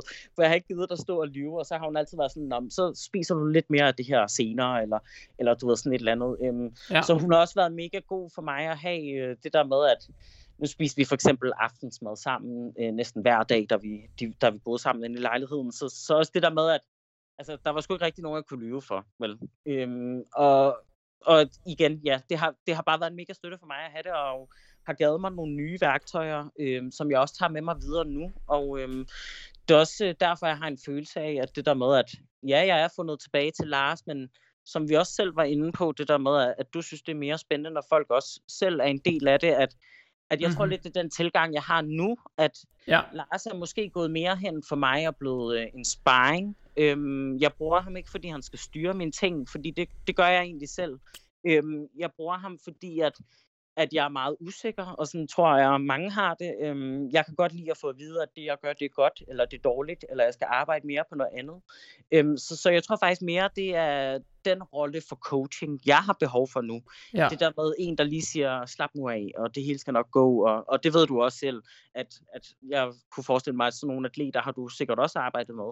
Øh, nogen, der bare har brug for, for sparringsdelen, eller, ja. eller nogle ja, ja. andre øjne. Jeg, jeg tror lidt, det, det er der, jeg er i mit forløb. Øhm, fordi jeg synes selv, jeg har arbejdet mig et godt sted hen, og for eksempel i dag, øh, jeg har aldrig øh, vejet så meget, som jeg gør nu. Øh, jeg har Hvad, jo taget må, fem... Må jeg spørge, hvad du vejer? Jeg vejer øh, 72 kilo. Og, og hvor høj er det nu? Du er ikke så høj, er du? Nej, jeg er 1,66. Ja, øh, okay. Men jeg har, jeg har de sidste 6 år ikke vejet over 55 kilo. Ej, det øhm, ved, jeg ved godt, at du har været virkelig øh, light. Ja, uh, skulle jeg lige øh, og når, når jeg står på scenen, så vejer jeg jo 48 kilo eller sådan et eller andet. Øhm, så jeg er virkelig blevet skubbet øh, de sidste års tid langt, langt ud over min comfort zone, og har selvfølgelig bare været super heldig og, og, og have en mega god sparring og, og have en, en verdensklasse bedste veninde øh, i, i Anna, der har været super god til at, at ligesom berolige mig og få mig til at slappe af i processen. Og øhm, mm. det har jo været mega gavnligt for mig til at, at kunne være der, hvor jeg er nu, øhm, og slappe mere af i det. Øhm, men ja, det er sgu alligevel en, øh, en ja, snart 25 kilo, jeg har taget på. Øhm, så, så det virker jo også skræmmende, men igen, der er en mening med det, og øhm, jeg ved også, at når jeg skal stille op næste år, så, så uanset hvad, så vil det blive, blive noget andet noget, fordi at jeg har så mange flere kilo på nu og, og kunne rykke ja. med. Øhm, og så satser jeg også bare på noget andet. Øhm, mm specielt øh, ja, mere fylde. Øhm, det, det er også bare det, de gerne vil have, og øhm, igen, jeg er nødt til at prøve noget andet for at, at ligesom finde ud af, hvordan jeg knækker øh, koden til at, at kunne komme videre. For som sagt, jeg har vundet det, jeg gerne vil vinde af medaljer. Ja. Øh, nu vil jeg ligesom gerne videre til, øh, til et nyt stadie. Eller hvad jeg skulle lige til at sige, hvad, hvad er det næste, du gerne vil? Fordi du har, nu har du nævnt flere gange, at du, du har faktisk gjort det, du gerne ville. Og derfor ja. har jeg siddet flere gange under den her samtale og tænkt, hvorfor fanden er du så ikke stoppet endnu? Altså, fordi du, du kunne gøre, du ved, jeg siger ikke, at man skal, passe, man skal passe på med at sige... At, at man gerne vil have et pro-kort. Øhm, jeg tror også, det er fordi, jeg har været tæt på to gange. Øhm, jeg kan huske første år, der var, det var faktisk det år, hvor Frida, hun, øh, hun blev øh, pro-atlet herhjemme i Danmark. Ja. Øh, det, var, det er også den konkurrence, jeg præf- eller, ligesom jeg drager nogle, nogle øh, referencer til i forhold til, at, at det var mit bedste år, fordi det synes jeg mm-hmm. faktisk, det var. Øhm, der var jeg rigtig god det år, øhm, og var mega fyldt. Der var, var jeg jo kun, jeg tror, det var et point fra hende i overallen, hvor hun blev pro. Okay. Så jeg tror også, det, det er følelsen af, at man er så tæt på, og alligevel så langt fra, at der ligesom også holder en i gang, eller hvad man siger. Ja. Øh, og så er det selvfølgelig også, fordi jeg stadigvæk synes, det er sjovt. Øh, jeg er som sagt lige blevet 25, og igen, jeg ved godt, mange af mine veninder, de, de er jo på det stadie, hvor de får børn og familie og alle de ting, men, men jeg tror meget, jeg er drevet af, at, at jeg synes stadigvæk, det er sjovt, og hvis jeg vågner i morgen og synes, det er mega nederen, og jeg vil noget andet noget med mit liv, så, så tror jeg egentlig også, at jeg vil gøre det. Øhm, og ja. det er som sagt, fordi at, at jeg har vundet øh, rigtig mange ting, øh, som mange andre vil dø for, og, og ligesom prøve der. Det er jo også noget, man er nødt til at tænke over, at at der er sgu nogen, der aldrig nogensinde vinder noget. Øh, og bare men, det er, men, det er også, men det er også en dårlig motivation. Altså, det er også en dårlig motivation. Det er lidt ligesom den der mad, sådan, ah, men du kan ikke uh, tillade dig at brokke dig over, at du ikke har mere mad, for der er nogle børn i Afrika, der ikke ja, får noget at spise. Præcis. Altså, fordi det, det, bliver jo lidt det, det bliver lidt det samme. Det er jo en underlig argumentation, og noget, man ikke kan forholde sig til. Ikke? Også, jeg ved godt, at der er rigtig mange, som som drømmer om at komme til at se ud på en helt bestemt mm, måde, ja. og se sådan helt rigtig ud, og hvis bare ja. jeg kan komme derhen, så ved jeg, at jeg bliver lykkelig, eller et eller andet. Ja. Men, øh, men jeg ved jo også, at øh, det, jeg har ikke mødt nogen af dem endnu, som er blevet lykkelige af det. De har bare nogle nye problemer, eller også følger deres ja. problemer med ned til en mindre krop men og et mindre selvværd. Også, når, man, når man konkurrerer, altså selvom at, at man har vundet øh, nogle, nogle vilde ting, så, så det gør jo ikke en lykkeligere, eller en Nej. mere tilfreds, eller øh, overhovedet ikke. Øhm, men, men mit næste step, det er da helt sikkert, at, at jeg jeg vil da rigtig gerne have et pro-kort, og, og det lyder altid sig selv højtidligt at sige, synes jeg. Jamen, jeg bryder ja. ikke om, når, når folk de er sådan, for jeg kan godt lide at være ydmyg omkring det. Øhm, for jeg, de første mange år, jeg konkurrerede, der placerede jeg mig altid som nummer to og nummer tre, og der gik jo mange år før, at, jeg, at altså, jeg tror først, det var mit fjerde konkurrenceår, hvor jeg, hvor jeg overhovedet vandt øh, en første plads. Jeg skulle lige så sige, hvem, vandt, hvem, hvem var det, der altid vandt over dig? oh, ja, det var jo øh, den kære Anna øh, som altid slog mig. Det var også det, der er det sjove i, at, at vi nu har arbejdet sammen og øh, har været så tætte, som vi har været, og bedste veninder og de ting her. Men hun har jo slået mig i super mange år, og øh, til sidst der endte jeg jo med at slå hende. Øhm, men, men jeg har jo altid placeret mig dårligt, og øh, de fleste, du ser, de kommer faktisk ind i miljøet med, at de starter med at klare sig rigtig godt, og så går det ned ad bakke derfra, hvor at, øh, at jeg kender jo nogen, som kun har prøvet at vinde konkurrencer, og jeg synes jo ja. også, det er en, en enorm fordel, at man har prøvet at placere sig som, som nummer sidst, fordi det yes. har jeg også. Øhm, det har jeg gjort øh, til tre konkurrencer, der er, jeg, der er jeg blevet nummer 6 ud af 6. Øhm, og, og det gør jo også bare, at, at hvad siger man, så har man også prøvet det, og øh, man, man er en bedre vinder, hvis man også har prøvet at tabe. Sådan, sådan ser jeg lidt på det nogle gange. Ja. Øhm, så jo, men, men klart, øhm, øh, et pro-kort, det er da helt sikkert... Øhm, hvad vil, du gerne, det, jeg, hvad, vil du gerne bruge det, hvad vil du gerne bruge det til, Fia, at få det pro Jeg tror der? aldrig nogensinde, øh, og der er jeg sgu meget realistisk, øh, jeg tror aldrig nogensinde, jeg bliver en god pro-atlet overhovedet. Øhm, jeg tror mere bare sådan, at, at specielt, jeg tror, jeg blev sådan præsenteret for, at man, man kunne få det tilbage i, i 2018, tror jeg. Ja. Øh, så, så det har jo altid været det der med, at, at det var sådan lidt det, man løb efter. At man ville gerne opnå det ultimative. Og ja. det afspejler sig også meget i, i mig som person, og, og mig som chef på mit arbejde, at jeg er meget sådan en, kun det bedste er godt nok. Altså sådan, jeg, jeg bliver ved indtil, at at den, den er i skabet. Øhm, jeg er ikke så god til at finde en mellemvej eller en eller anden løsning, øh, for jeg tror ikke på, at der er guld for enden af, af regnbuen. Jeg, jeg er meget sådan en, øhm, hvad, hvordan pokker kan man lige uh, sige det, at, at for mig, der, der skal jeg nå det ultimative, ellers så, så, så stopper jeg ikke. Øhm, og det kan jo også være rigtig farligt, øhm, for man det ser også mange gange nogen, hvor at, at de skulle være stoppet for lang tid siden. Øhm, men jeg tror også bare, at jeg bliver ved med at leve på, at, at det er egentlig rigtig god feedback, jeg får hver gang, og som du selv sagde, da, da, det, da hele det her blev introduceret, at, at jeg er jo også en, som har potentialet, fordi jeg altid giver mig 10% mere, og jeg er meget dedikeret til tingene. Ja. Øhm, det er bare de små finisher, jeg ligesom skal, skal have, have, have, hvad siger man, drejet og vendt. Øhm, for der er nogle mennesker, som bare ikke har potentialet, eller ikke har rammen til det. Øhm, og nu er jeg jo en af de heldige, som, som er rigtig smal øhm, og meget petit. Øhm, og også igen stadigvæk forholder mig ret feminin, når jeg er på scenen, og det er tit der, det hele det knækker for nogen, at, at så lige pludselig går de hen og bliver firkantet, og det, altså, lige pludselig er de ikke så feminin mere. Øhm, så, så det er egentlig det, jeg lever lidt på, det er, at, at jeg har symmetrien, jeg mangler simpelthen bare mere masse og mere tid.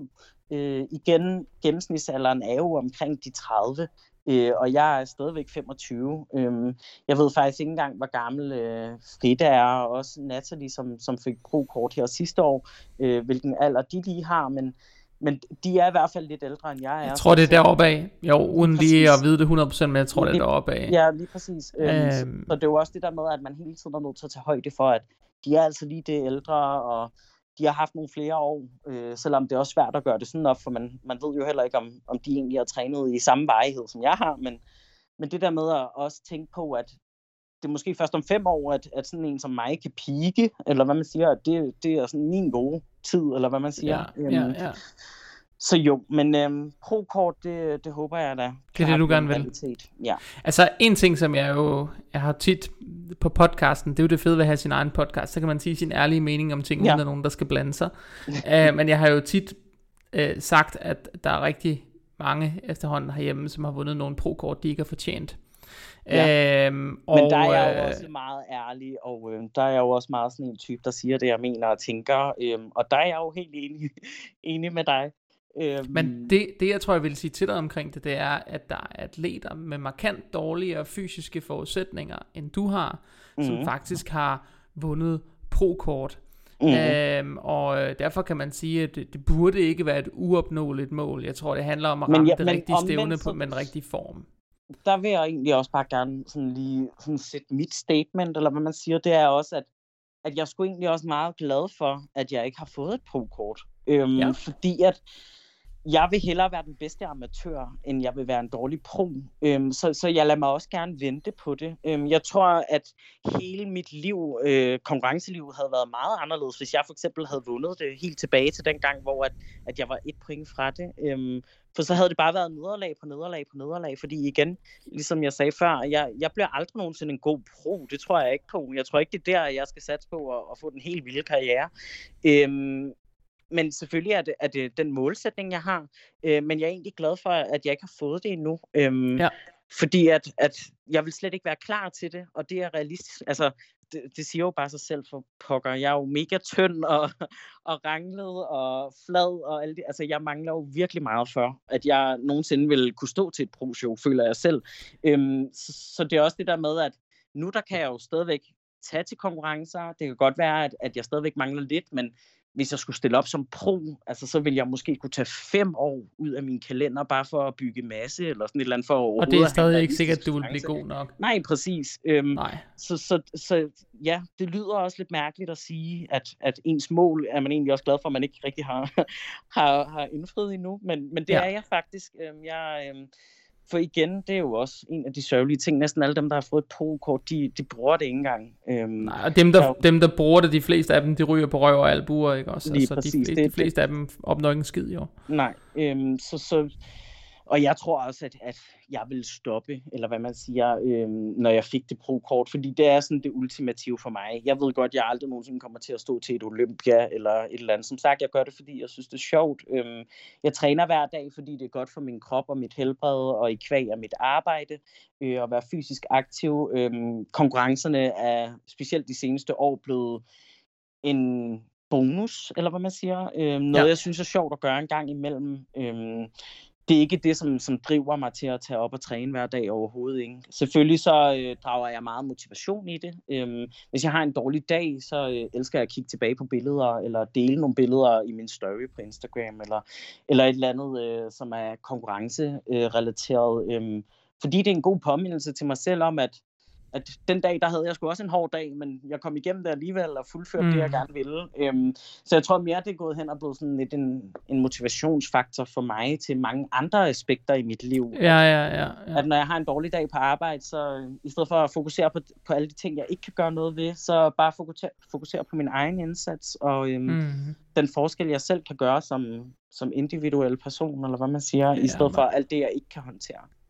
Det er jeg fuldstændig enig i, og jeg tror også, nu sagde du selv det der med, at det kunne godt være, at du skulle tage fem, fem år ud i din kalender for overhovedet at blive klar til et pro-show, men en ja. ting, som jeg har sagt på en podcast faktisk for nylig, det er, at nogle gange så er det bare sådan, at man kan se på folk, hvem der bliver gode.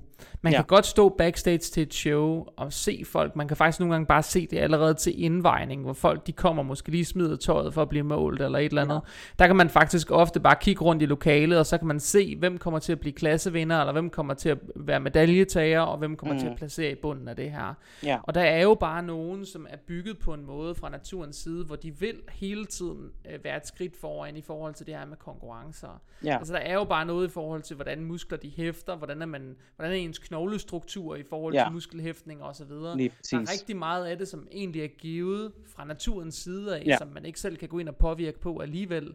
Øh, og det er måske også noget af det, som, som jeg tror, at rigtig mange herhjemme har sindssygt svært ved at acceptere. Det er, at ja. rigtig mange af dem, som jagter det her, de er overhovedet ikke bygget til det. Og derfor så kommer, altså forudsætningerne for at blive gode, de er så umenneskeligt dårlige, at, at uh, de fleste af dem, de kommer til at fejle. Og det, det er fordi, de virkelig ikke har selverkendelse nok til at ja. se, at jeg er ikke skabt til det, jeg forsøger at begive mig ud i, men jeg prøver alligevel. Præcis. Og, øh, og, og det, det bider dem jo i røven, for på et eller andet tidspunkt går det op for dem, at virkeligheden er altså en anden. Ja, jeg øh, tror også, så... det jeg sådan prøvede at, at, at spise lidt ind på før, det der med, at at jeg er jo meget en, der er smal og petit. Øhm, jeg har jo en mm. rigtig smal talje, og min feedback har altid fået at vide, at jeg er meget tight i min midtsektion. Øhm, og, og det er jo en af de fordele, jeg har. Øhm, fordi det er ikke alle, der, der, der bliver så smalle, eller kan, kan blive så tight i det område.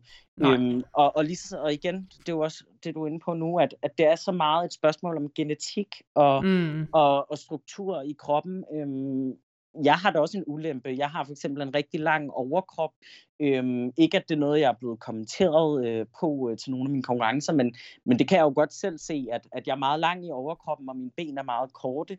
Øhm, om det har en betydning, det, det ved jeg selvfølgelig ikke, men, men det er det der med, at, at hvis man ikke har genetikken til det, så, så er man nødt til at stoppe, fordi at, at det afgør bare så meget af, af en hel konkurrence, om man er bygget til det eller ej. Øhm, for man vil aldrig have en god chance, hvis man som pige for eksempel havde en bred talje, eller, Nej. eller de ting. Øhm, altså, så er, man, så er man dødstømt, øhm, uanset hvilken klasse du konkurrerer i, fordi der handler det bare om at være så smal som overhovedet muligt.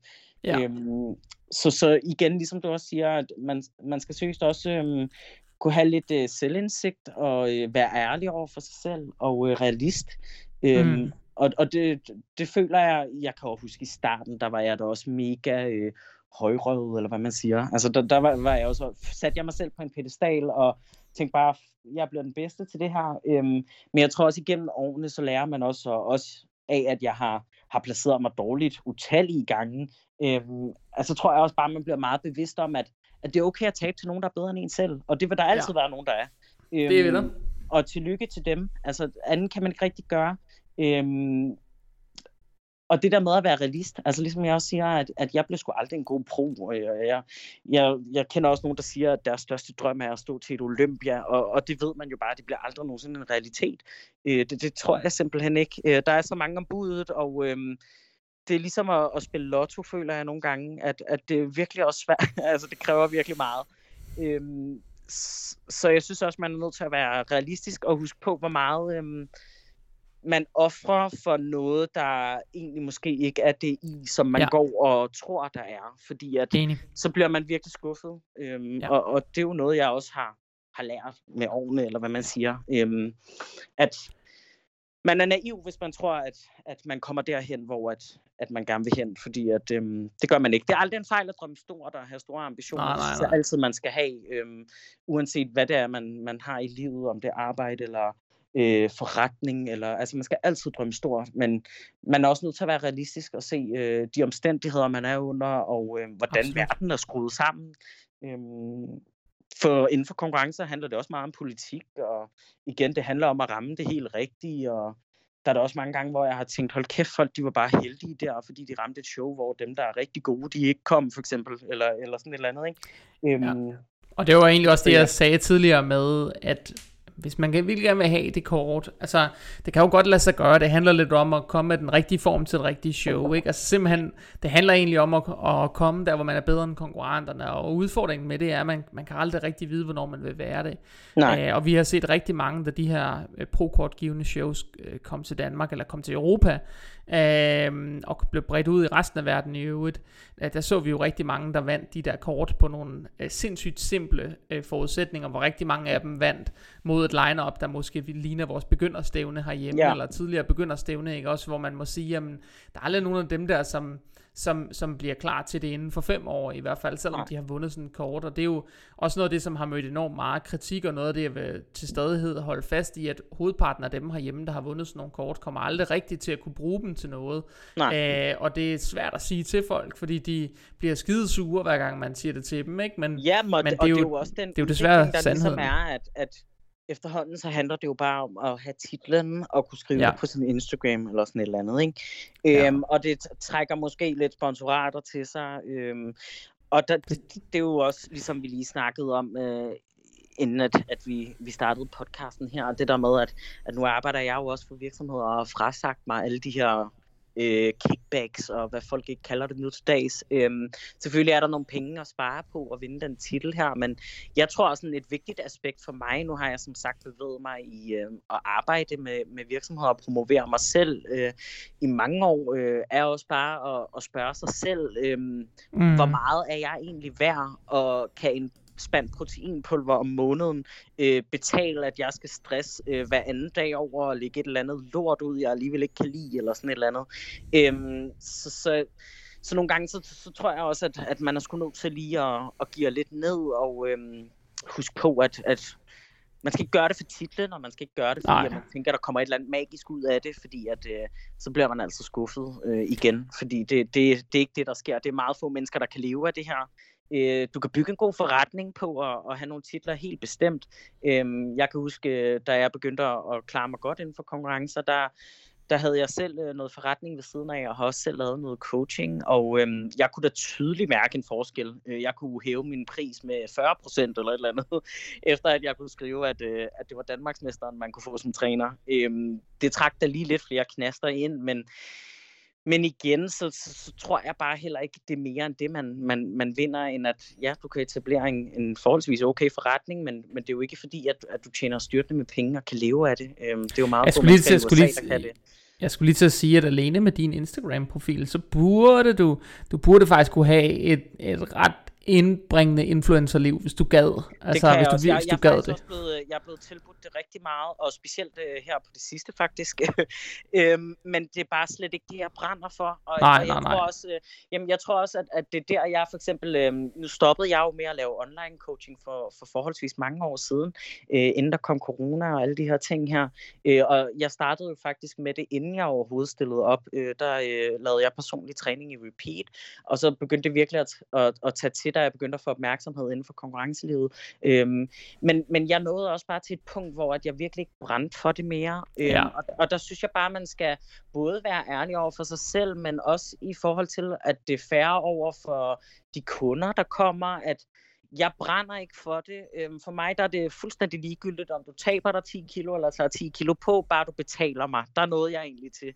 Øhm, og, og det er bare ikke der, jeg ønsker at være. Nej, øhm, nej, så, nej. så det er også det der med, hvad har man egentlig lyst til, og hvad har man ikke lyst til. Og øhm, jeg brænder for eksempel overhovedet ikke for noget, der har med kost og træning at gøre, men jeg brænder rigtig meget for markedsføringsdelen.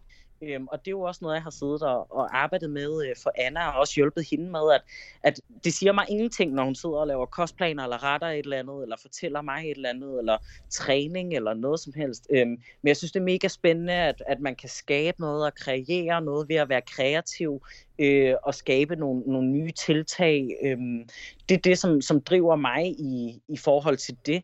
Øhm, og så har jeg altid elsket at lave noget helt andet, noget langt væk fra træningen.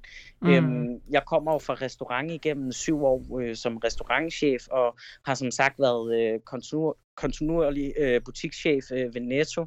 Øhm, og, og det der med at have en hverdag, hvor man arbejder sammen med nogle mennesker, der er et helt andet sted hen i deres liv, og ikke aner en skid om træning. Øhm, de synes jo bare, at man er den sejeste, fordi de har set nogle billeder inde på nettet, eller sådan et eller andet, eller spørger, om det er mig, der lige kan løfte øh, grøntkasserne, eller et eller andet, fordi de tror, jeg er vildt stærk, eller et eller andet. Øhm, men det der med at, at også have det anonyme aspekt i det, øhm, ja. at ingen ved, hvem jeg er, ingen aner, hvad jeg laver, øhm, intet i løbet af min dag handler om noget, der har med træning eller kost at gøre. Øhm, det har jeg altid fundet en enorm ro i. Øhm, det der med at kunne trække mig helt fra miljøet, og så bare være mig, øh, og være øhm, alt det andet, jeg er også god til. For der er rigtig mange ting, jeg er god til. Øhm, det kan godt være, at jeg er en god atlet, men, men det er måske 10% af mit liv. Øhm, og og det, det, der er jo rigtig meget, folk ikke ser, ligesom vi også øh, var inde på tidligere. Ja, ja, lige præcis. At, at hele min dag, den foregår jo med sindssygt mange ting, øh, og har mange møder, arbejder på mange idéer, og øh, sidder også med noget business to business ved Bodyman, og altså jeg har jo rigtig gang i rigtig, rigtig, rigtig super rigtig mange ting, og uddanner mig også inden øh, for Netto, og går i skole ved siden af, mens jeg er i butikken, og øh, arbejder som sagt 60-70 timer om ugen. Øhm, så, så for mig, der er meget af det, der er på min Instagram, det er jo også øh, forberedt øh, på forhånd, øh, og egentlig bare noget, jeg pusher ud. Øh, der er jo tit, hvor at, at, så er det sådan noget, hvor jeg lige har en tissepause i butikken, og så ligger jeg jo et eller andet, jeg har forberedt op på min story, eller sådan et eller andet, og, og det er jo det, man har arbejdet sig ind i en rutine, hvor at, at man kan have flere roller, øh, uden at det går hen og bliver en byrde for en, øh, fordi man gør sig umage, og fordi man bruger tid øh, på at forberede sig. Øh, for forberedelse i alt, man laver, øh, det er simpelthen nøglen øhm, til at, at få succes med et eller andet. Øhm, det, er også, det er også fuldstændig rigtigt. Altså det, her, det er jo en af de pointer, som øh, faktisk har trukket ud øh, flere andre øh, mm. steder. Der er blandt andet den der øh, omtalte podcast med afsnittet med Jonathan. Øh, ja. Der er afsnit nogen 90, hvis der er nogen, der er interesseret. Så prøv lige at klikke tilbage. Det er de sidste inden jul sidste år. Men øh, noget af det, vi snakkede om der, det er, at han er jo håndværker. Ikke? Også, mm-hmm. Han laver slet ikke noget med, med kost og motion. Men Nej. det kunne han jo sagtens. Han kunne sagtens leve af det, hvis han ville. Ikke? Og det gør hans øh, kæreste det jo også, og ja. gjort igen mange år, men, men noget af det, som, øh, som øh, jeg jo kan se øh, øh, fra mit eget liv, det er jo, at min egen sådan, træningslyst, den er jo, øh, den, den har ændret sig meget ved at arbejde så mange timer med det ja. i så mange år. Uh, den der lyst til selv at bevæge sig derned, selv at gå ned og give den en skalle, og selv at træne meget, det er blevet mere til en ting, som nu træner jeg, fordi jeg vil gerne holde mig stærk og i form, ja. og jeg har også nogle, du ved, jeg har nogle ting, jeg ligesom uh, skal kunne, og skal kunne opretholde over for min, uh, min, min klienter, nogle færdigheder og sådan noget, ja.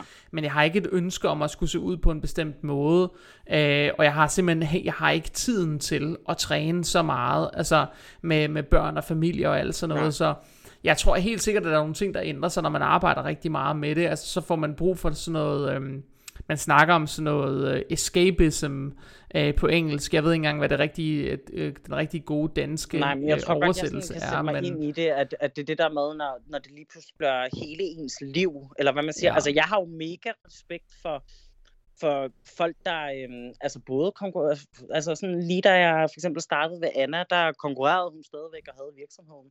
Øhm, jeg havde mega respekt for, at man kunne være så meget i det. Altså det er jo hele dagen, der er centreret omkring det der.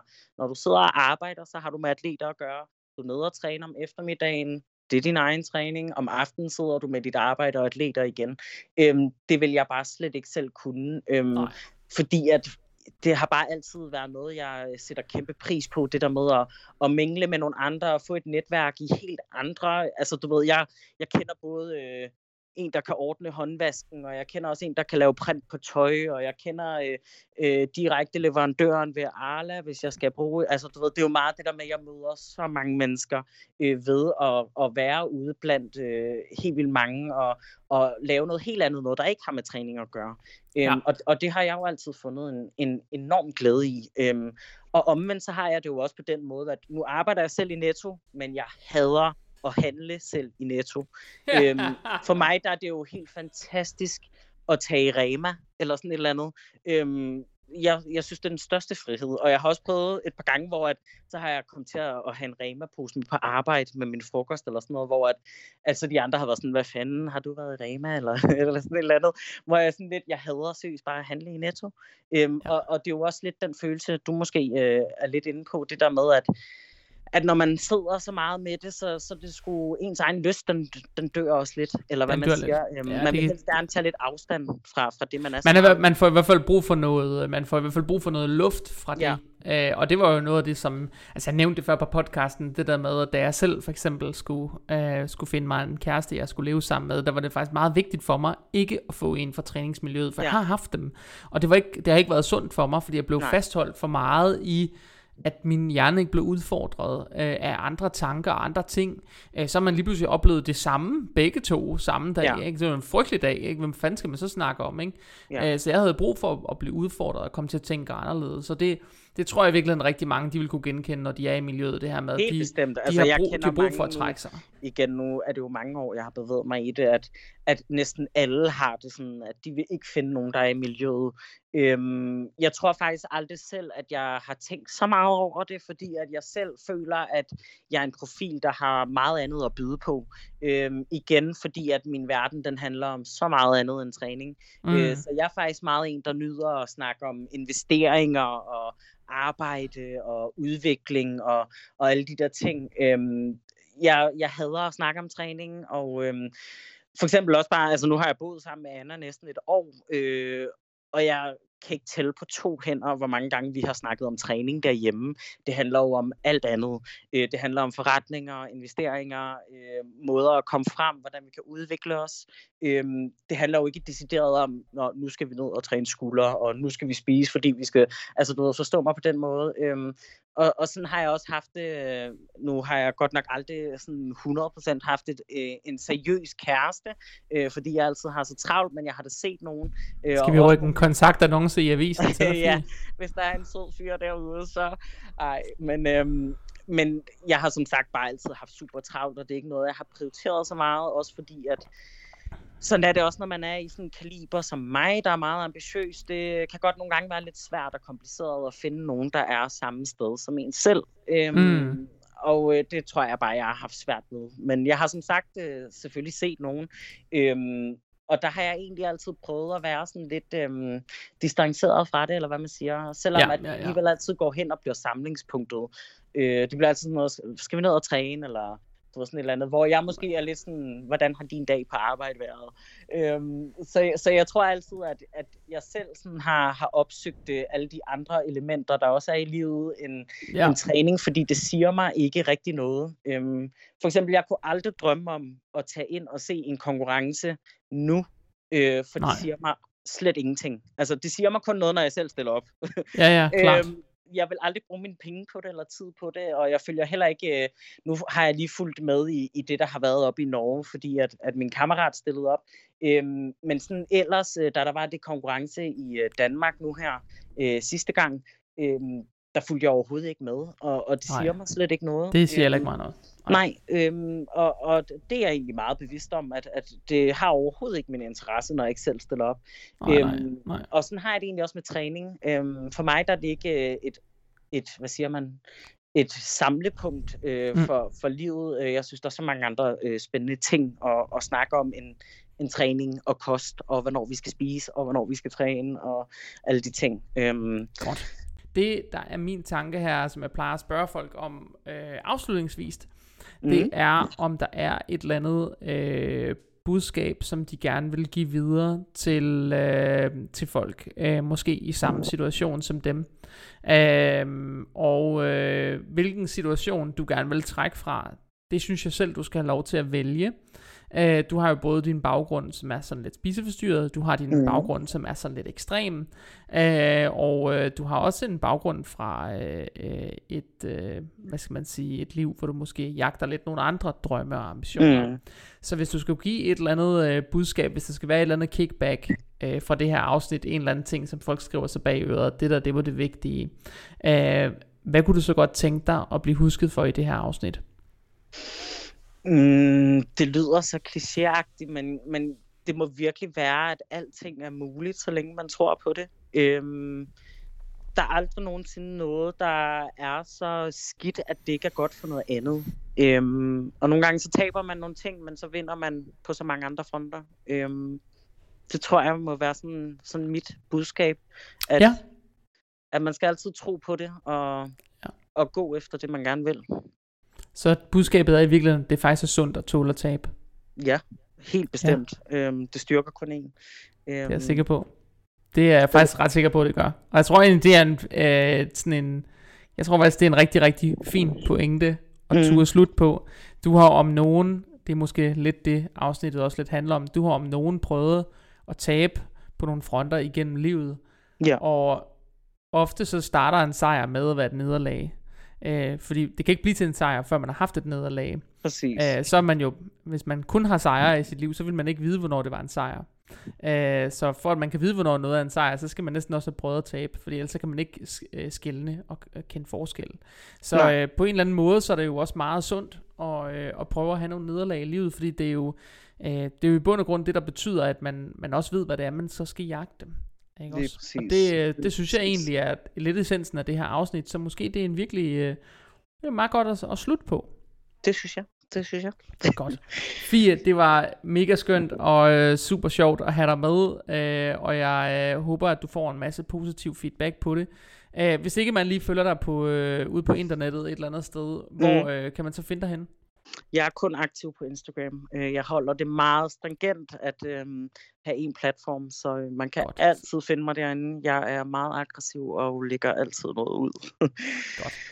Så det vil sige, at man skal søge efter Fie Sølverblad på Instagram. Altså, det, er det, hedder det ikke bare dit navn eller sådan noget? Jo, og så øvede det bare O og E. Men øh, hvis man skriver Fie Sølverblad helt almindeligt, så er jeg også den første, der popper op. Godt. Og øh, til alle jer, der har lyttet med, tusind, tusind tak, fordi I har lyttet med på endnu et afsnit af Fitness Unplugged.